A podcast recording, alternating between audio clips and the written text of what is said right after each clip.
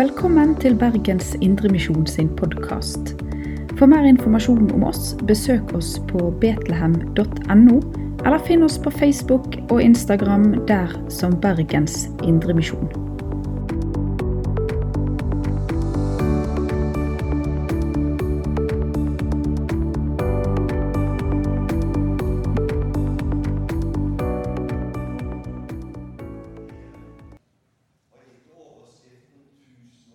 Riket.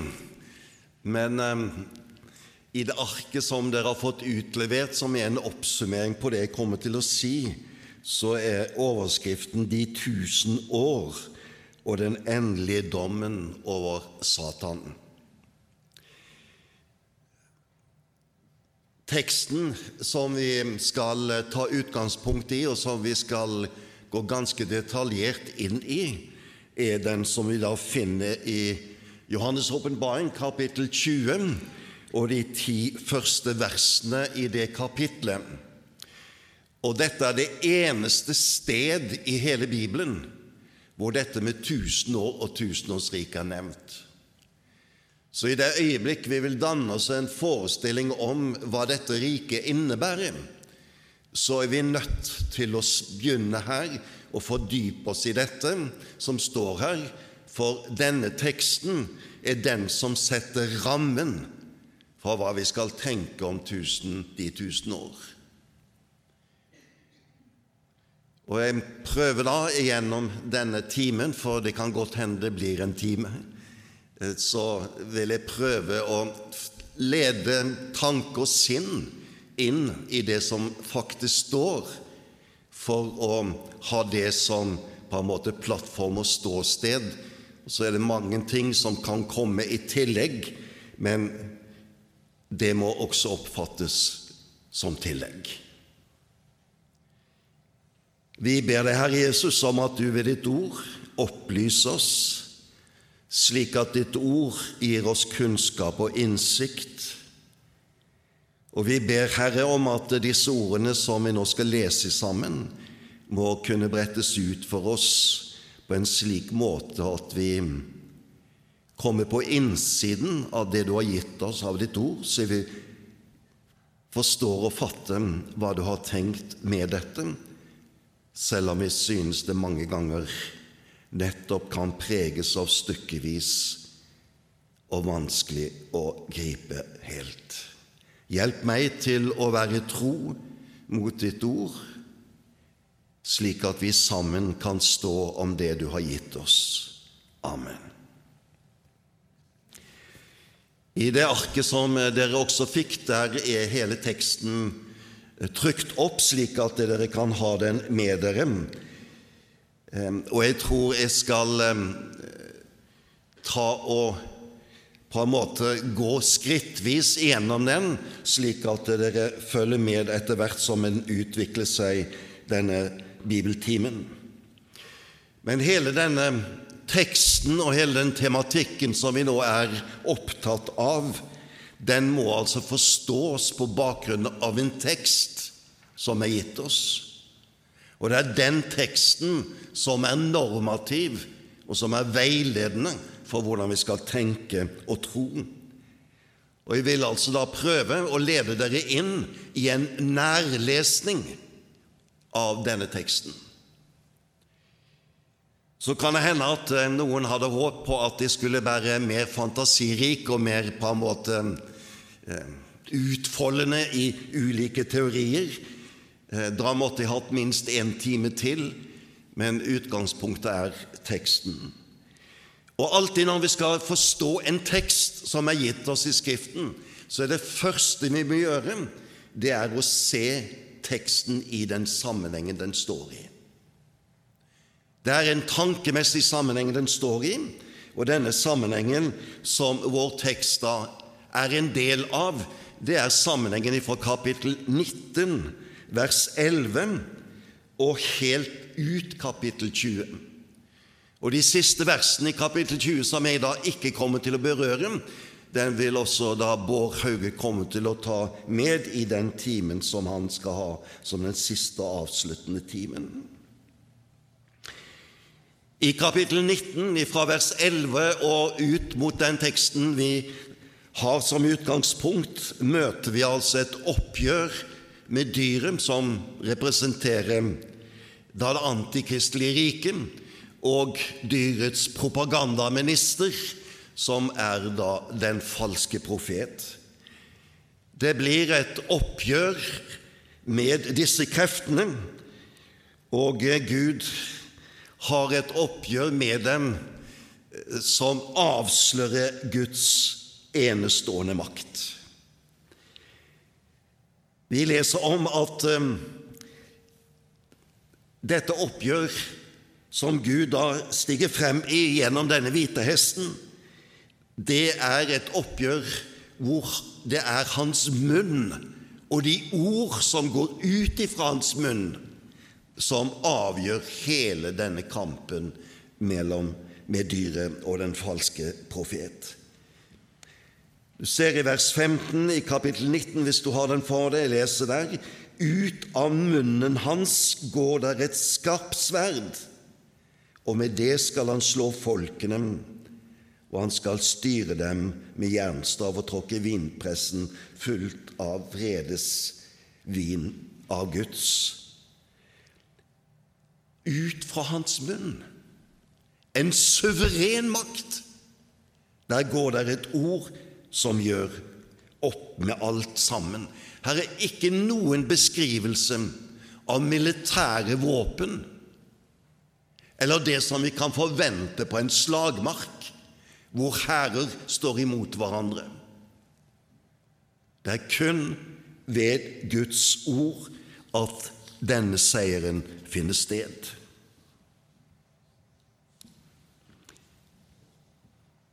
Derfor står det også i vers 22 19 på slutten av der De andre ble også drept ved sverdet som går ut for rytterens munn, slik at hele det redskap som Gud bruker i dette oppgjør, det er det ord som går ut ifra Guds munn. Altså det ordet som Gud har skapt med, og det ordet som han styrer med, og det ordet som han til slutt skal avslutte også vår tid med. Den scenen, eller den store dramatikken i kapittel 19, avsluttes jo med at både dyr og den falske profet kastes i det som her kalles ildsjøen, som er det arreststed som disse kastes inn i, hvor det er ingen vei tilbake. Kommer litt tilbake til det, for det blir også en del av slutten på vår tekst. Når vi da går til de versene som vi har som utgangspunkt, så er det viktig å legge merke til de er, hvordan de er oppbygd. Og i disse versene møter vi et, tre ganger at Johannes sier 'jeg så'. Det er altså tre visjoner som danner på en måte hovedstrukturen i teksten. Vi møter det i vers 1 og jeg så en engel, osv. Og i vers 4, i begynnelsen av vers 4, og jeg så troner, og noen satt på dem. Og midt i vers 4 og jeg så sjelene til dem som var blitt halshugd. Disse, disse tre visjonene danner på en måte en struktur, tre scener som følger etter hverandre i denne teksten. Og når han ser inn i denne virkeligheten, så er det en åpenbaring som finner sted, hvor han altså får se inn i en skjult virkelighet som nå åpenbares. Den er ikke ellers tilgjengelig for det blotte øyet eller for den menneskelige tanke. Det er en åpenbaring som Johannes får. Og I denne teksten så er det heller ingen himmelstemme, altså det er ingen audisjon, det er bare en visjon som omtales. Men Johannes kommenterer det han ser. slik at han utdyper og forklarer det, hva det er vi får se og se inn i. Derfor er teksten vår en blanding av visjonær fortelling og konsekvensbeskrivelser. Og teksten kan deles inn da egentlig i fem scener som beskrives, og som vi på en måte kan se litt for oss for vårt indre blikk. Den første scenen er vers 1-3. Og jeg så en engel stige ned fra himmelen med nøklene til avgrunnen og en stor lenke i hånden. Han grep dragen, den gamle slangen, som er djevelen og Satan, og bandt ham for tusen år. Så kastet engelen ham i avgrunnen, låste igjen og satte seil over den, så han ikke lenger skulle forføre folkene, og ikke før de tusen år var gått. Etter det skal han slippes løs en kort tid. Johannes ser en engel stige ned. Det er altså noe som skjer ifra den himmelske virkelighet, som er Guds verden, som ligger utenfor det skapte, det synlige og hørbare forhold, og så stiger denne engelen ned og inn i vår virkelighet. Det er en aksjon ifra Guds side som settes i gang. Engelen er språklig sett et sendebud, og i dette tilfellet er engelen det redskap som Gud bruker for det som nå skjer og beskrives. Og han kommer ifra Guds verden. Og Vi har jo i Johannes' åpenbaring møtt ganske mange av disse englene som Gud bruker på ulik vis til ulike oppgaver og I dette tilfellet stiger denne engelen frem og nærmest skildres som en fangevokter. Han har fangevokterens oppdrag fordi han har nøkler, og han har lenker, og med nøklene skal han låse opp, og med lenken skal han lenke denne dragen fast til fengselen hvor han holdes lukket. Dette fengselet er det Gud selv som er herre over. Det er Gud ved engelen som selv er den som behersker, og er egentlig den som styrer dem og avgjør dem. Så dette fengselet er et sted hvor Gud er herre. Fengselet, ser dere, kalles avgrunnen fra himmelen med nøkler, nøkkelen til avgrunnen. Og Dette uttrykket 'avgrunnen' det er brukt seks ganger i Johannes' åpenbaring.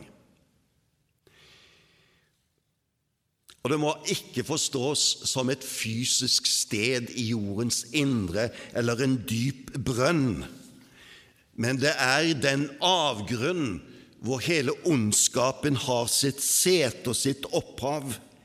Ifra denne avgrunnen er det dyret stiger frem.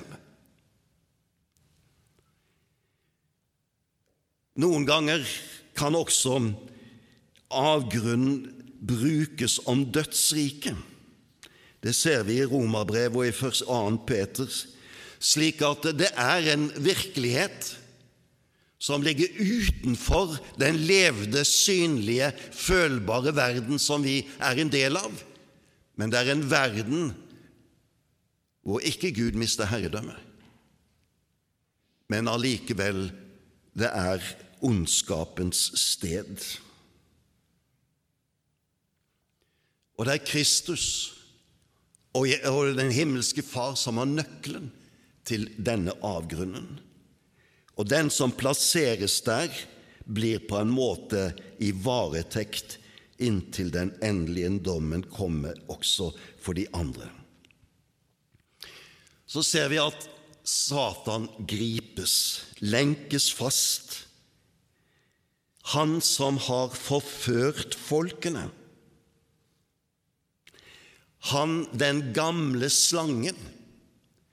Og med det uttrykket så henter Johannes opp igjen hele den historien som knytter seg til syndefallet, da djevelen for første gang stiger inn på denne arenaen som Bibelen trekker opp for oss, og lurer de første menneskene, forfører dem, slik at ulydigheten tar sete i menneskeslekten med de katastrofale følgene det fikk for menneskeliv, fellesskap og for naturen. Så brukes det to uttrykk til. Diabolos, eller djevelen, det greske uttrykket som betyr baktaler. Han som fører falske anklager. Han som er en løgner og bedrager. Ordet Satan er egentlig da det hebraiske ordet for diabolos, så det betyr det samme. Men her brukes altså både djevelen og Satan slik at det klinger inn i både det greske og det hebraiske språket. Det er en kjent skikkelse, Satan. Og Han har nevnt mange ganger i Johannes' åpenbaring. Og han omtales ofte da som dragen, han som også gir dyret makt, og gir den falske profet makt, og som står bak alt det som skjer av ondskap i hele denne beskrivelsen av avslutningstiden som Johannes' åpenbaring gir oss. Og, og I åpenbaringen kapittel 12 får vi høre at opprinnelig hadde djevelen sitt sete i himmelen blant Guds engler. Så kommer det til strid med engelen, erkeengelen Gab, eh, Mikael, og resultatet er at djevelen kastes ned på jorden, leser vi om der i kapittel 12, hvor han da forfører menneskene. Hvor han trer frem som den store forføreren og skaper de katastrofale følgene for menneskeliv og skaperverk. Og den eneste seieren som der i kapittel 12 omtales som en mulighet, det er seieren ved lammets blod. Bare én har overvunnet han på jorden, og det er Jesus Kristus. Slik at menneskene som lever på jorden, har et eneste fristed fordi at Jesus Kristus ved sin døde oppstandelse avvæpner og skaffer det rommet hvor også vi får del i hans seier når vi blir en del av den kristne menighet lammets blod, som er et uttrykk for det som eh, Paulus omskriver.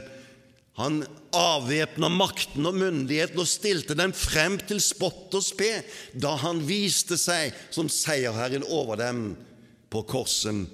I Kolosserbrevet kapittel 2 kan du lese om den beskrivelsen. Og nå gripes han etter at han har gjort altså all den galskapen gjennom dyret og den falske profet. Og han plasseres i avgrunnen og har leng, ikke lenger makt på jorden.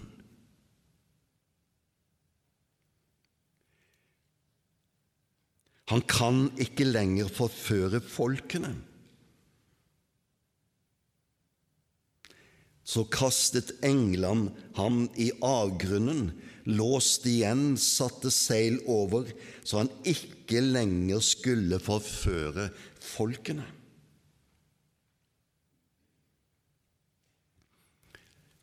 Forførelsen av folkene var hans hovedoppdrag. Jeg skal si litt om det i forlengelsen også.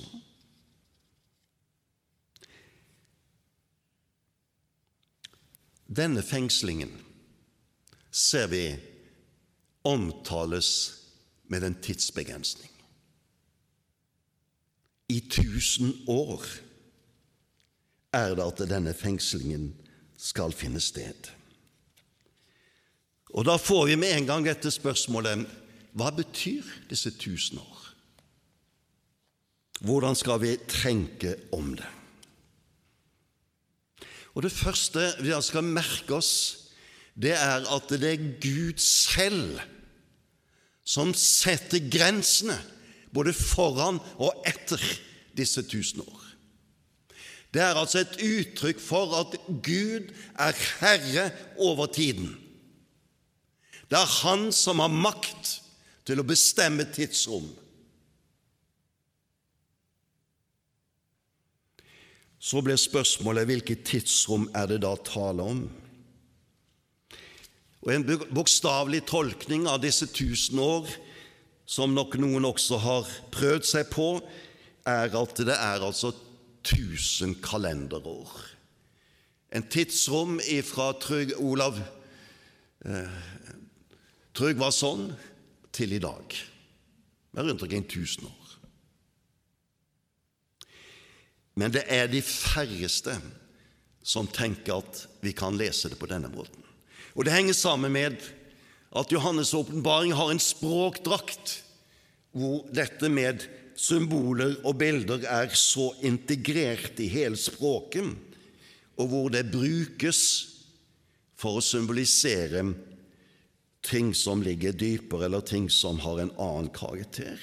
Derfor er det vi kaller den symbolske tolkningen, den som nesten alle fortolkere går for. Og så er spørsmålet hva er det da vi kan tenke om disse tusen år? Tusen er basert på titall. Titallet er helhetstallet.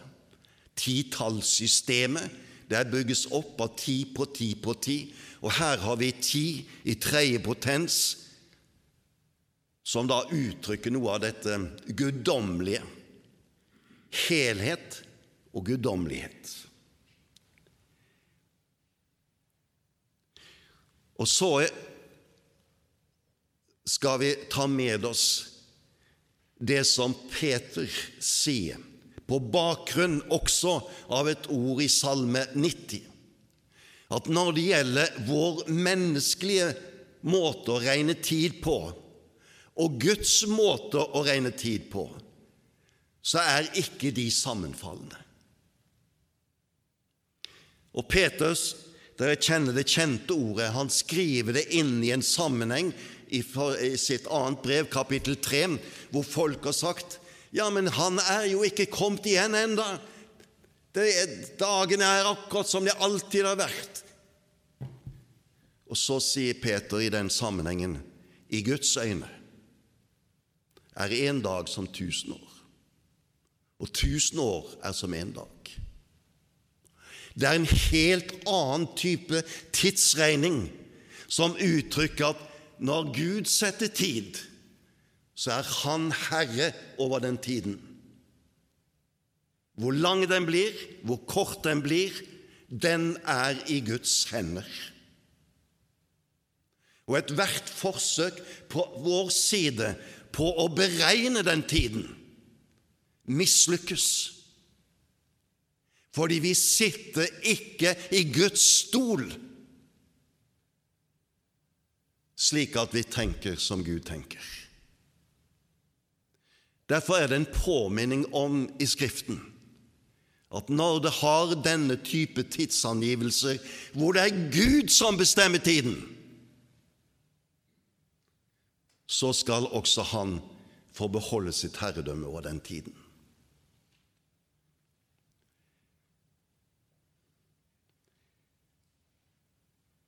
Så min konklusjon på de tusen år er at her er det tale om den tid Gud selv bestemmer.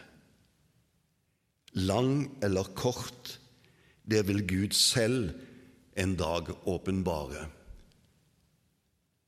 Vi kan ikke regne den på forhånd.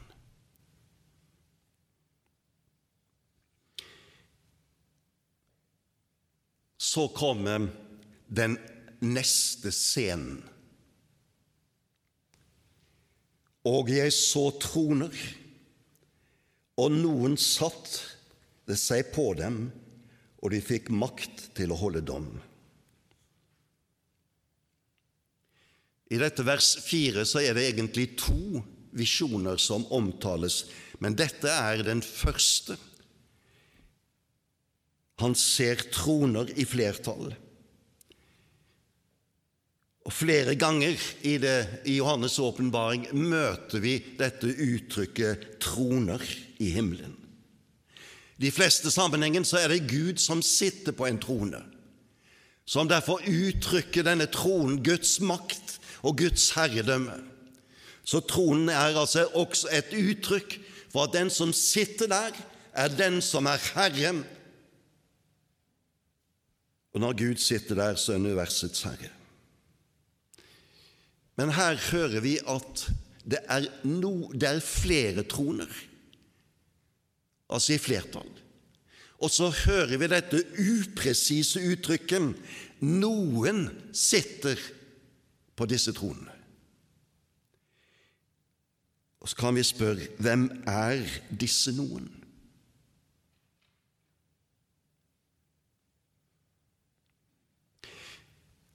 Noen ganger i eh, vår bibel møter vi dette med at det der er troner hvor forskjellige personer sitter på disse tronene.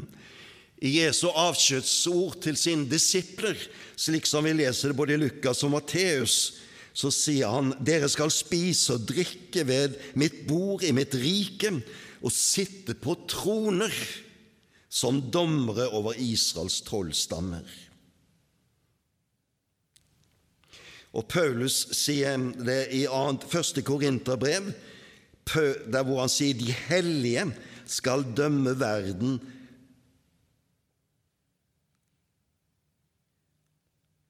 som om de sitter på troner og deltar i dommen. Og I Johannes' åpenbaring, kapittel 3, vers 21, sies det at de som seirer, skal sitte sammen med Kristus på troner, slik Jesus sitter sammen med Faderen på hans trone. Men teksten har en upresis angivelse. Noen sitter på disse tronene.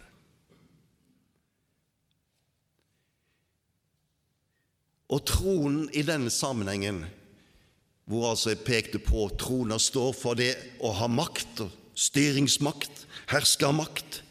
Men i denne teksten så er tronene understreket med at de fikk makt til å holde dom, slik at tronene stiger frem i denne sammenhengen som domstronene.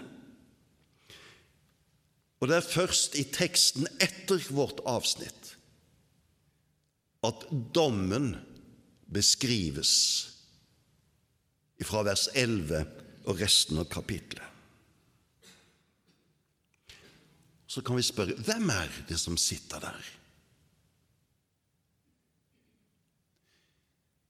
Noen har tenkt at det som sies i det følgende, som omtaler martyrene, at det var de som satt der. Men så spør jeg hvorfor kunne han da ikke si at det var martyrene som satt der? Så når det bare står 'noen', så er det for meg et uttrykk for at dette vet vi ikke. Dette er ikke åpenbart ennå for oss. Det er noe som er skjult. Og når lille, denne lille scenen hvor han ser disse tronene, og noen sitter på dem, forbereder egentlig det som kom ifra vers 11 og det følgende, nemlig når domstronene trer frem, og Gud holder dom.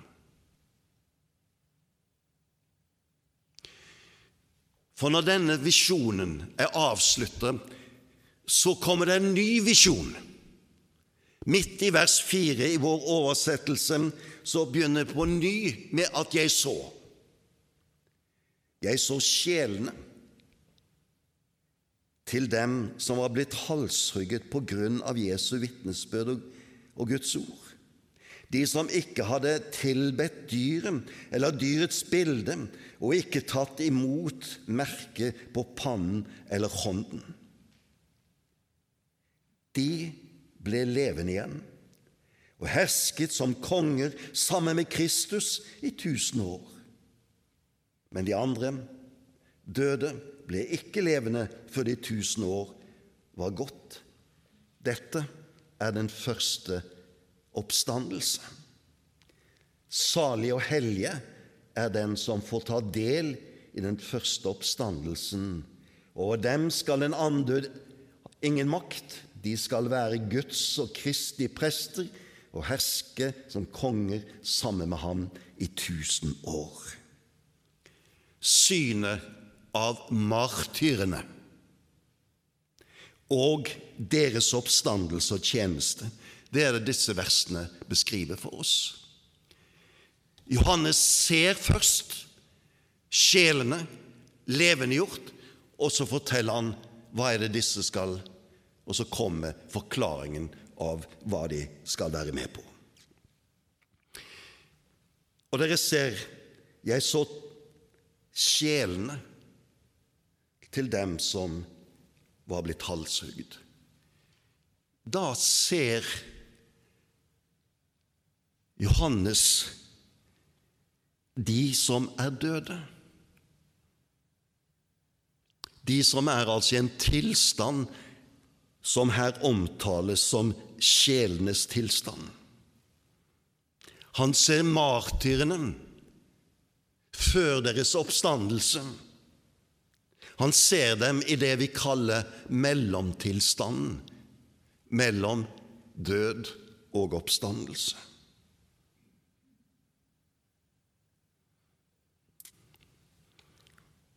Og så får han en innsyn i hvordan de ble martyrer. Og beskrivelsen av denne situasjonen av å bli halshugd, det er en på grunn av Jesu vitnesbyrd og Guds ord, sies det.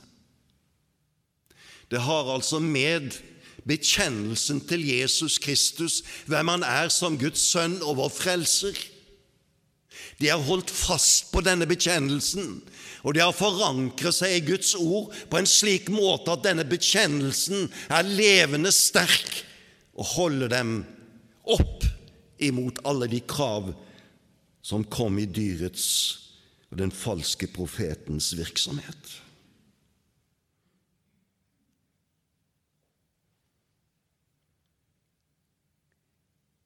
Så føyes det til de som ikke har tilbedt dyret eller dyrets bilde, som altså ikke har fulgt den propaganda som fulgte hele dyrets rike, og hvor den falske profet både gjorde under og tegn og alt som tenkes kan for å overbevise befolkningen om at dyret var den du skulle tilbe.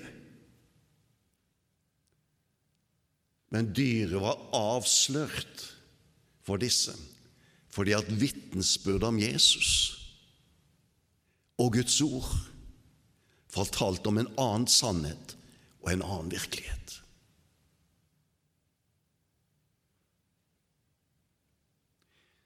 Og de var heller ikke lokka inn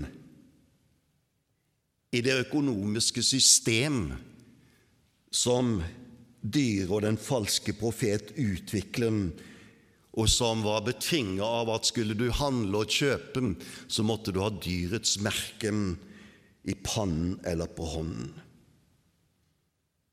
De hadde stått imot. Alt det presset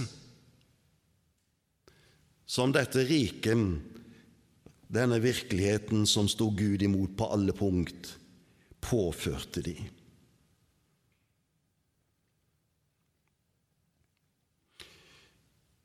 Disse martyrene er det Johannes ser.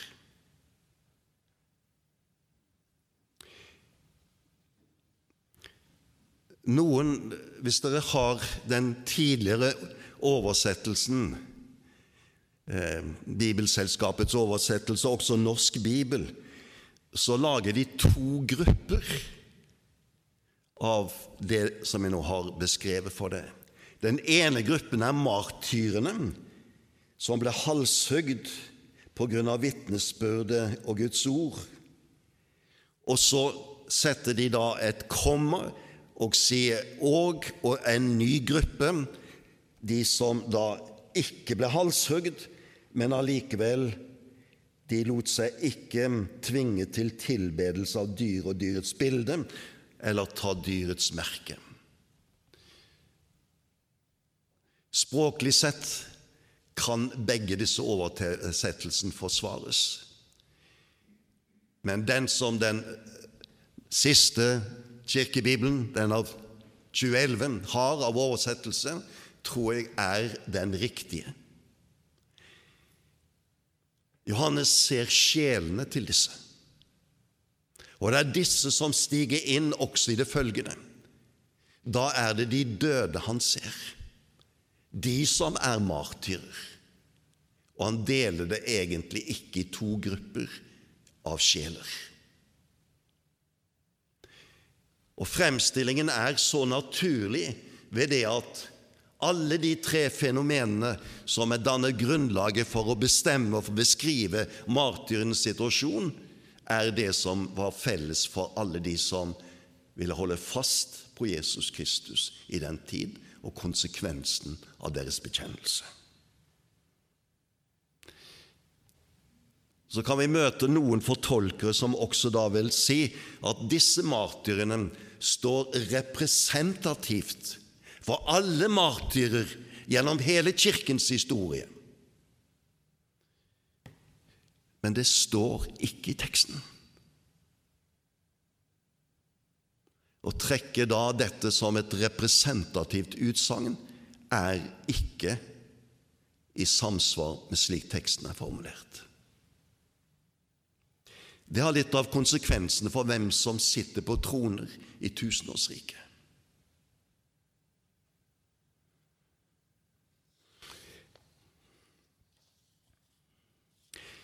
Disse martyrene, som var der under denne siste fasen under dyret og den falske profet, som ikke gav slipp på bekjennelsen til Jesus Kristus. Det er disse som når Johannes ser, blir levende igjen. Hvilken levendegjørelse er det da tale om? For det er også en av de utfordrende uttrykkene i denne teksten. Og spørsmålet er hvordan skal vi tenke om denne levendegjørelsen? Og Fortolkningen av dette henger noe sammen med også hvordan en ser på tusenårsriket. De som tenker seg at dette tusenårsriket er et fysisk, konkret rike som stiger frem på denne jord, og hvor Jesus kommer igjen og sitter der på en trone og styrer fra Jerusalem. De som tenker fysisk konkret omkring dette riket på denne måten, og med Jesu gjenkomst som at han setter sine føtter på Oljeberget, slik som det står i Zakaria 14,4. De vil tenke på dette, at dette er da en fysisk oppstandelse hvor de på en måte stiger inn i det gamle skaperverk, konkret og nært. De som går for denne såkalte kirkehistoriske tolkningen, vil si at denne levendegjørelsen er ikke noe annet enn den levendegjørelse som enhver kristen får del i ved troen og dåpen. Og det er i seg sjøl altså tatt ut av denne sammenhengen. Og jeg har tenkt mye på hvordan jeg skulle tenke om dette på bakgrunn av det som står her, og det vi kjenner fra Det nye testamentet. Og da har det blitt slik for meg at skal jeg danne meg et bilde av den oppstandelsesvirkeligheten som går forut for et nytt skap av verken ny himmel og ny jord, som omtales i kapittel 21 i Johannes' åpenbaring, så må jeg se på Jesus Kristus. Han er den første, førstegrøden, førsten i tall som oppstår. Og vi lærer noe om hvilken oppstandelsesvirkelighet Jesus stiger inn i når han står opp den tredje dagen. For i 40 dager møter han disiplene sine. Og vi ser gjennom dette møtet at han sprenger de grenser som tid og rom gir. Han får flytte seg, ikke ved det at han går nødvendigvis på beina. Han går gjennom lukte dører uten å lukke de opp. Han sprenger tid og romkategorien, som er dette skaperverkets grunnleggende rammebetingelser. Ingen av oss kan heve oss ut av tiden eller rommet. Vi vil alltid være et sted på et bestemt tidspunkt. Jesus sprenger dette skaperverkets begrensninger i det øyeblikket han står legemlig opp.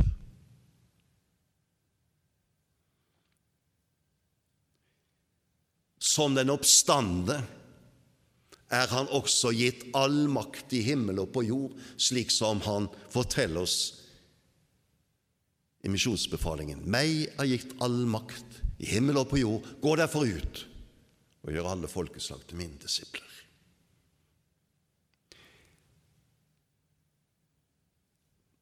Det som jeg ser for meg, det er at martyrene hentes ut som den første gruppen av de døde som plasseres sammen med Jesus i den allmaktssituasjonen som han er i, hvor tid, rom er opphevet, men hvor de gjør seg gjeldende inn i tiden og rommet over oss mennesker. Og det står jo her at de skal være Guds og Kristi prester og herske som konge sammen med ham. Det er altså en tilværelse hvor de går inn og er sammen med ham i den situasjonen som da Jesus er i, før en ny himmel og en ny jord kommer.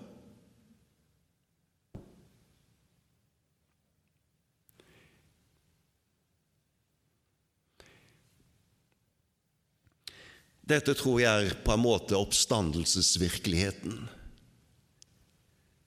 som de døde løftes inn i i oppstandelsen sammen med Jesus, og hvor de venter på at en ny himmel og en ny jord skal stige frem, og hvor det nye livet skal leves.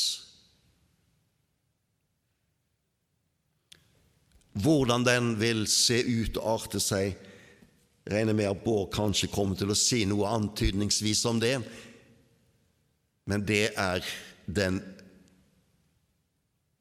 forløste virkelighet.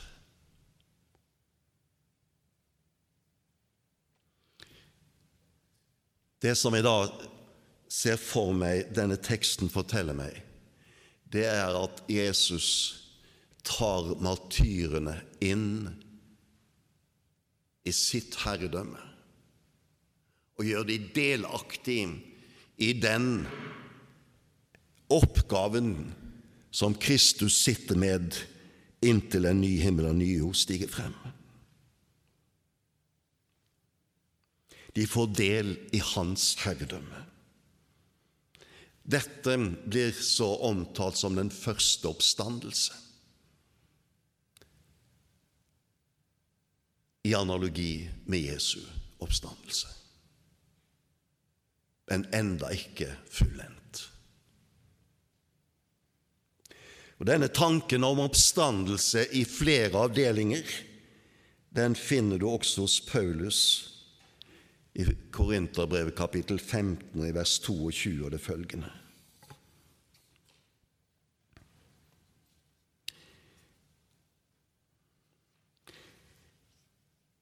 De andre døde, står det her. Men de andre døde ble ikke levende før de tusen år var gått.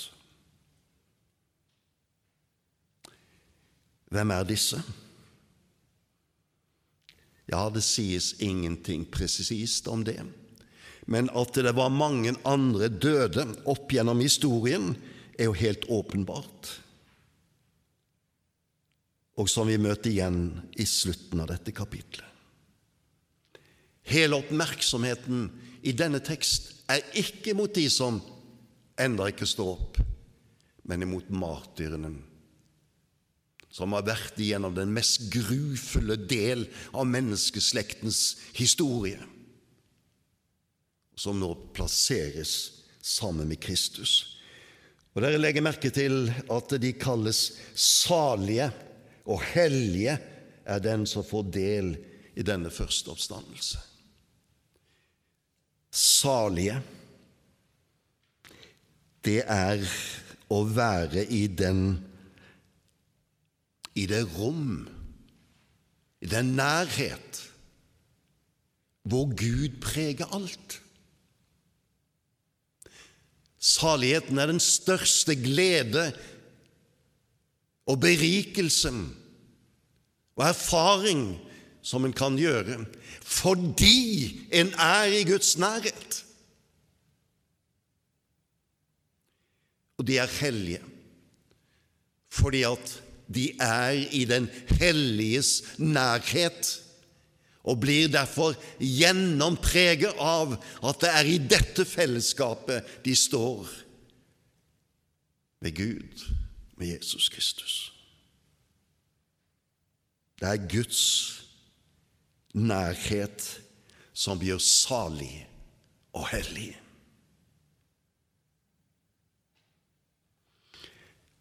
Dette herredømmet som er der i tusenårsriket, det beskrives med uttrykket 'De skal være Guds og Kristi prester' og herske som konger sammen med ham i tusen år.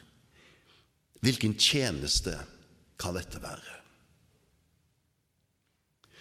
Prestetjenesten er jo en kjent tjeneste i Det gamle testamentet, i den gamle pakt. De var formidlere av Guds ord. De skulle lære folket hva Gud hadde sagt, og de skulle være forvaltere av den offerordning som Gud hadde innført. På den andre siden skulle de være de som bar frem offer til Gud, bar frem folkets bekjennelse og bønner, slik at de var en mellomposisjon. Som Guds tjenere for å nå folket, og for at folket kunne nå Gud.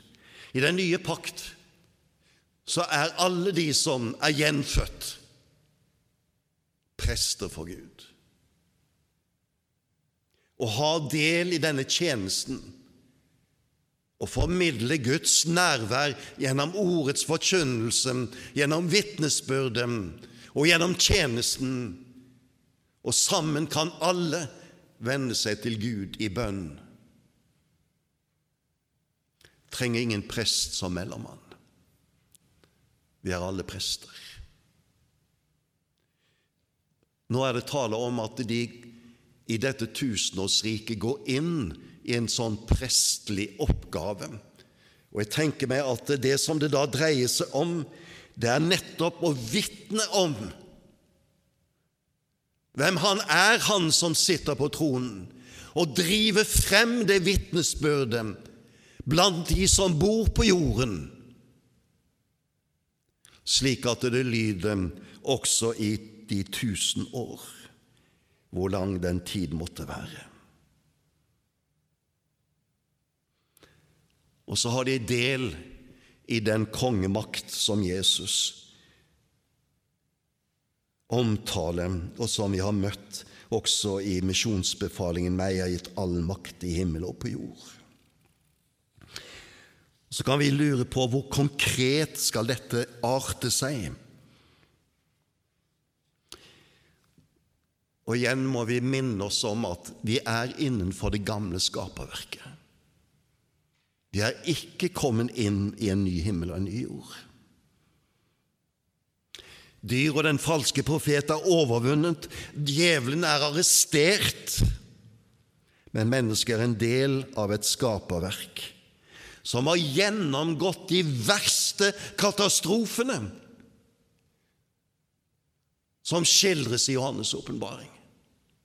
Den menneskeslekt som står der etter dyret og den falske profet sin dom, er en menneskeslekt som er ribba, som er kjent med død og ulykke. Og Når vi leser Johannes' åpenbaring, så forstår vi at det skaperverk, det fellesskap og det menneskeliv som stiger frem etter disse katastrofene, er et skaperverk og menneskeliv i nød.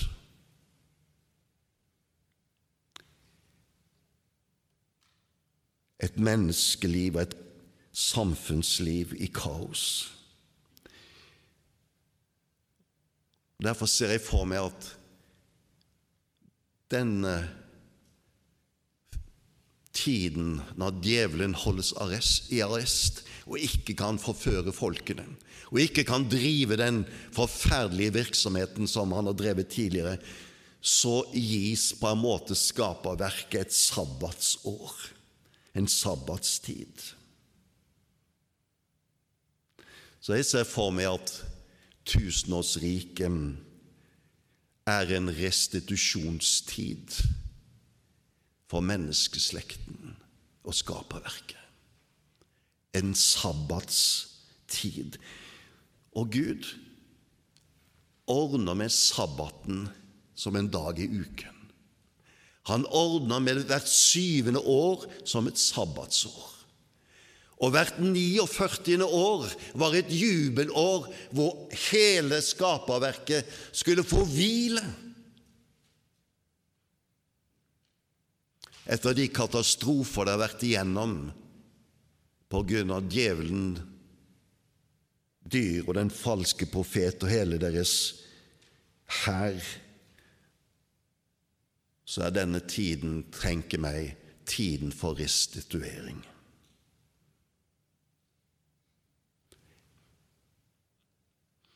Innbyggerne er de som har overlevd katastrofene,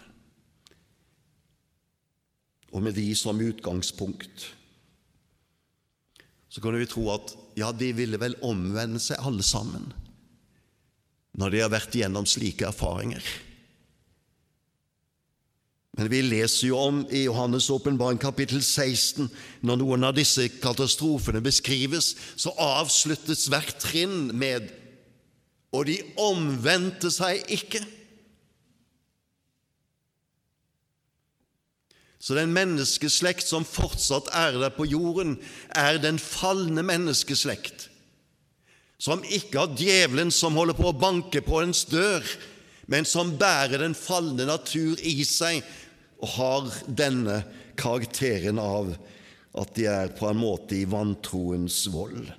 Derfor trenger de å høre den prestelige tjeneste som vitner om Jesus Kristus. Jeg tror derfor at det også er en menighet og en kristen virksomhet i tusenårsriket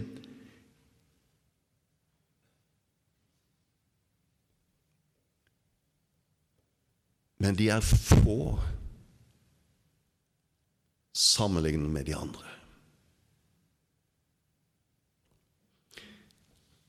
Hvorfor tenke det? Jo, fordi at når djevelen slippes løs igjen, står det her, så forfører han folkene fra alle verdens hjørner. Og de er tallrike som sanden. Og de samler seg til et angrep på ny.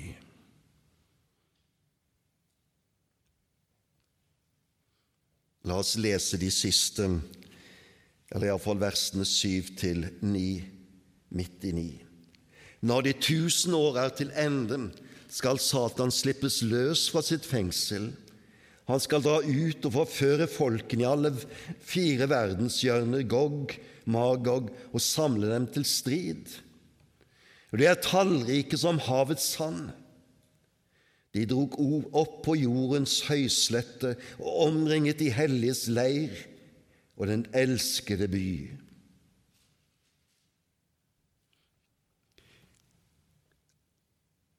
Allerede i vers 3 har vi fått signaler om at etter tusen år slippes Satan løs, men en kort tid. Og en kort tid i denne sammenhengen betyr jo at det er mye kortere enn den tiden som har vært til restituering. Hvor kort den er, det vet vi ikke. Det er Gud som slipper løs, det er Gud som avslutter. Men djevelen får altså en kort og tilmålt ting, tid. Og han gjør to ting. Han gjenopptar sin gamle praksis med å forføre folkene. Satans vesen er slik at det bedrar og forfører med alle midler. Forførelsen går ut på å lure, bedra, slik at en får mennesker til å gjøre og tenke ting som de i utgangspunktet ikke hadde tenkt seg å gjøre. Slik blir du bedratt og forført. Djevelen har alltid en hensikt ved alt hva han gjør, selv om den hensikt ikke alltid blir avslørt for de som blir utsatt for den.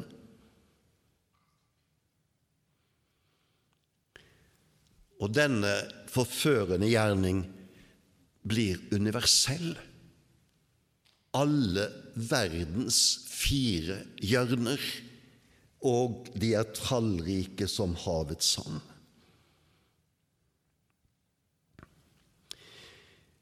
Det er en universell forførelse. Så brukes ordet Gog og Magog som uttrykk for disse fire verdenshjørner.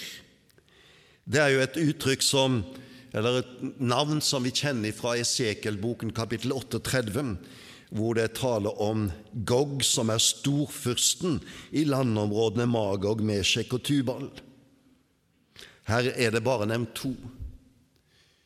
Jeg skal ikke gå dypere inn i det, men jeg tror her brukes dem for det første universelt, og det brukes som karakteristikk på folk, de folkeslag som står Gud imot og vil stri imot Gud. Det er den, disse folkene fra verdens fire verdenshjørner som kalles til strid.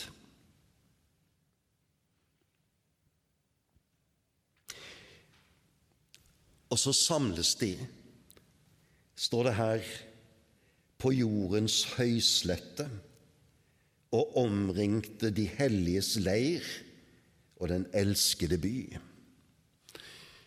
Jordens høyslette, hvor er det, eller hva er det? Det kan tolkes konkret ved det at striden skal finne sted på et område som altså er en høyslette, som er eh, tilgjengelig og synlig for alle, som er stor nok til å romme det enorme samlingen av mennesker, av herrer, som da omtales her. Slik kan en tenke konkret om dem. Men mange vil også tenke at det er mer billedlig å forstå, og mer har utgangspunkt i at det er tale om en åndskamp som er åpen og synlig for alle. Det skjer i åpent lende og ikke i det skjulte, og ikke i skoger og gjemt blant haug og fjell, men det er synlig for alle. Det er en åndskamp. Åpen, synlig. Slik vil også en del tolke det, og jeg tror kanskje ville helle i den retningen. men de er samla om én ting. De leirer seg om de helliges leir og den elskede by. De helliges leir, de hellige, står alltid for Guds folk. Det er Guds folk som blir beleira. Det er de som skal utslettes enda en gang. Og uttrykket 'den elskede by' aldri ellers brukt i Johannes' åpenbaring. Det nærmestliggende uttrykket er 'min Guds by', og da er det brukt om det nye Jerusalem som stiger ned til jorden. Den elskede by er den menighet som til slutt skal stige frem i det nye Jerusalem, som stiger ned fra himmelen, tenker jeg. Det er Guds folk som angripes. Det er Satans siste forsøk på å utslette alt som har med Gud og med sannheten å gjøre.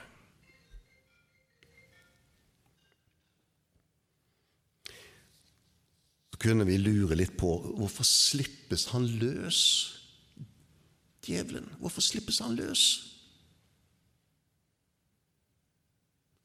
Når han sitter i fengsel? Og Her er ikke noe godt svar på dem. Det er Gud som styrer. Avslutningen, den siste scenen, er jo seieren og dommen over Satan.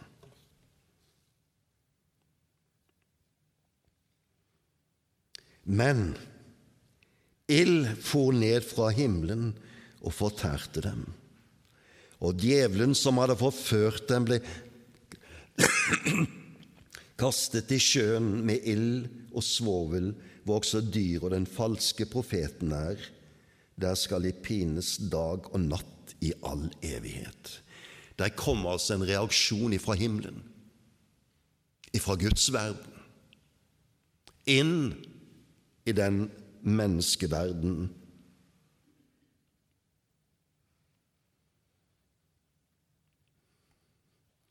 Gud handler. Han bryter grenser.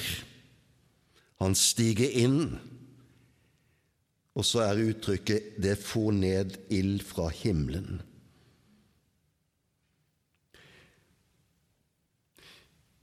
Ild og Guds doms nærvær og handling er ofte kombinert med hverandre. Jeg finner mange eksempler på det gjennom Skriften. Det er et uttrykk for at Gud holder dom. Det er ikke en beskrivelse av et, en slagmark eller våpen. Det er kun at Gud stiger ned og holder dom. Og djevelen, som hadde forført folkene, kastes nå i ildsjøen, der hvor også dyr og den falske profet holder til.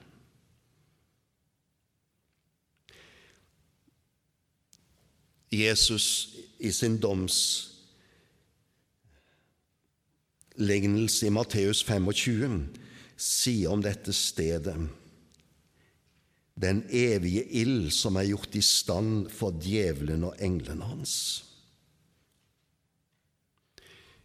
Det er et sted som Gud ikke hadde tiltenkt et eneste menneske. Men bare djevelen og hans drabanter.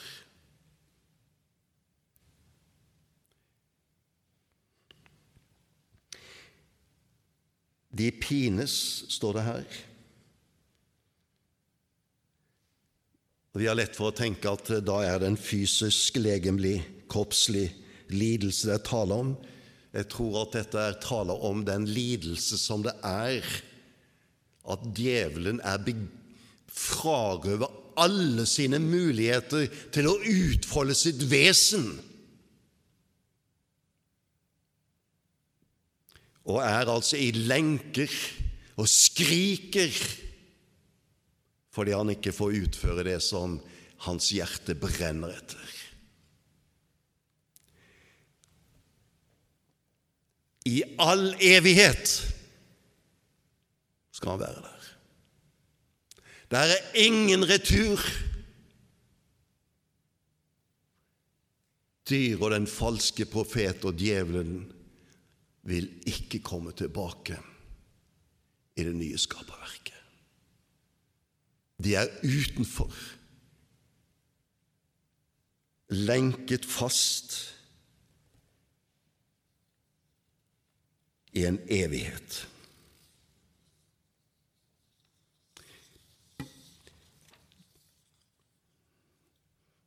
Da er seieren over ondskapen brakt til ende. Det som står igjen, er det som kommer etterpå i vers 11 og videre, nemlig at i tusenårsriket, i den første oppstandelse, var martyrene for denne avslutningsperioden sammen med Kristus. Nå skal de stige frem, alle de andre også. Og bøker skal åpnes, og livets bok også.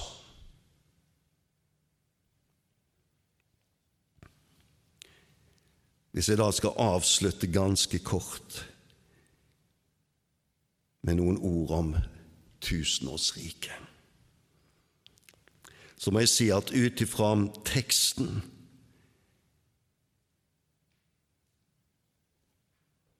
så trer det frem som et fremtidsrike. Hører fremtiden til. Det er ikke avgrensa til Israel, og det er heller ikke tale om en stor misjonstid. Ikke noe av det er omtalt i disse versene. Den såkalte kirkehistoriske forståelsen den at eh, tusenårene egentlig er en perioden fra Jesu døde oppstandelse inntil han kommer igjen, har heller ingen forankring i denne teksten.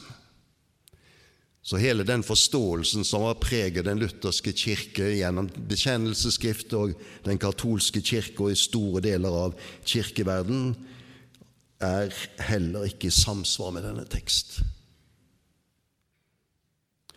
Og Alle de forsøk som jeg har lest på å prøve å begrunne det, viser at de tar ikke teksten her på alvor. Og så sies det ikke direkte at Jesus kommer igjen ved inngangen til tusenårsriket. Av de versene vi nå har lest, så er det ikke et eneste sted hvor det er sagt at Jesus ble synlig, ble åpenbart, kom igjen. Det står enda igjen. Slik tenker jeg at denne teksten må hjelpe oss til å tenke. Og så er det bare disse versene som omtaler dette. Og det maner til en viss forsiktighet og ikke de sterkeste utbroderende teoriene, enten det går i den ene eller annen retning. Her må ståstedet være, og alt som tenkes, må først forankres her, før det fylles på med andre ting. Og da er det, tror jeg det er sunt åndelig å tenke litt beskjedent. Ikke fordi at det som skjer, er beskjedent, men våre tanker om det kan være litt beskjedne. Herre, fremtiden tilhører deg. Og så er det sider ved denne fremtiden som du lukker oss inn i, og som samtidig kan være både krevende og vanskelig å forstå. Vi må erkjenne nå ser vi stykkevis. Men så har du sagt det før det skjer, for at vi skal være så våkne at når det skjer, så gjenkjenner vi deg og din handling og ditt nærvær. Amen.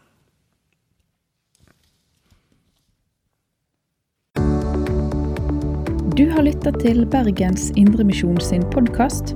For mer informasjon om oss, besøk oss på betlehem.no, eller finn oss på Facebook og Instagram der som Bergens Indremisjon.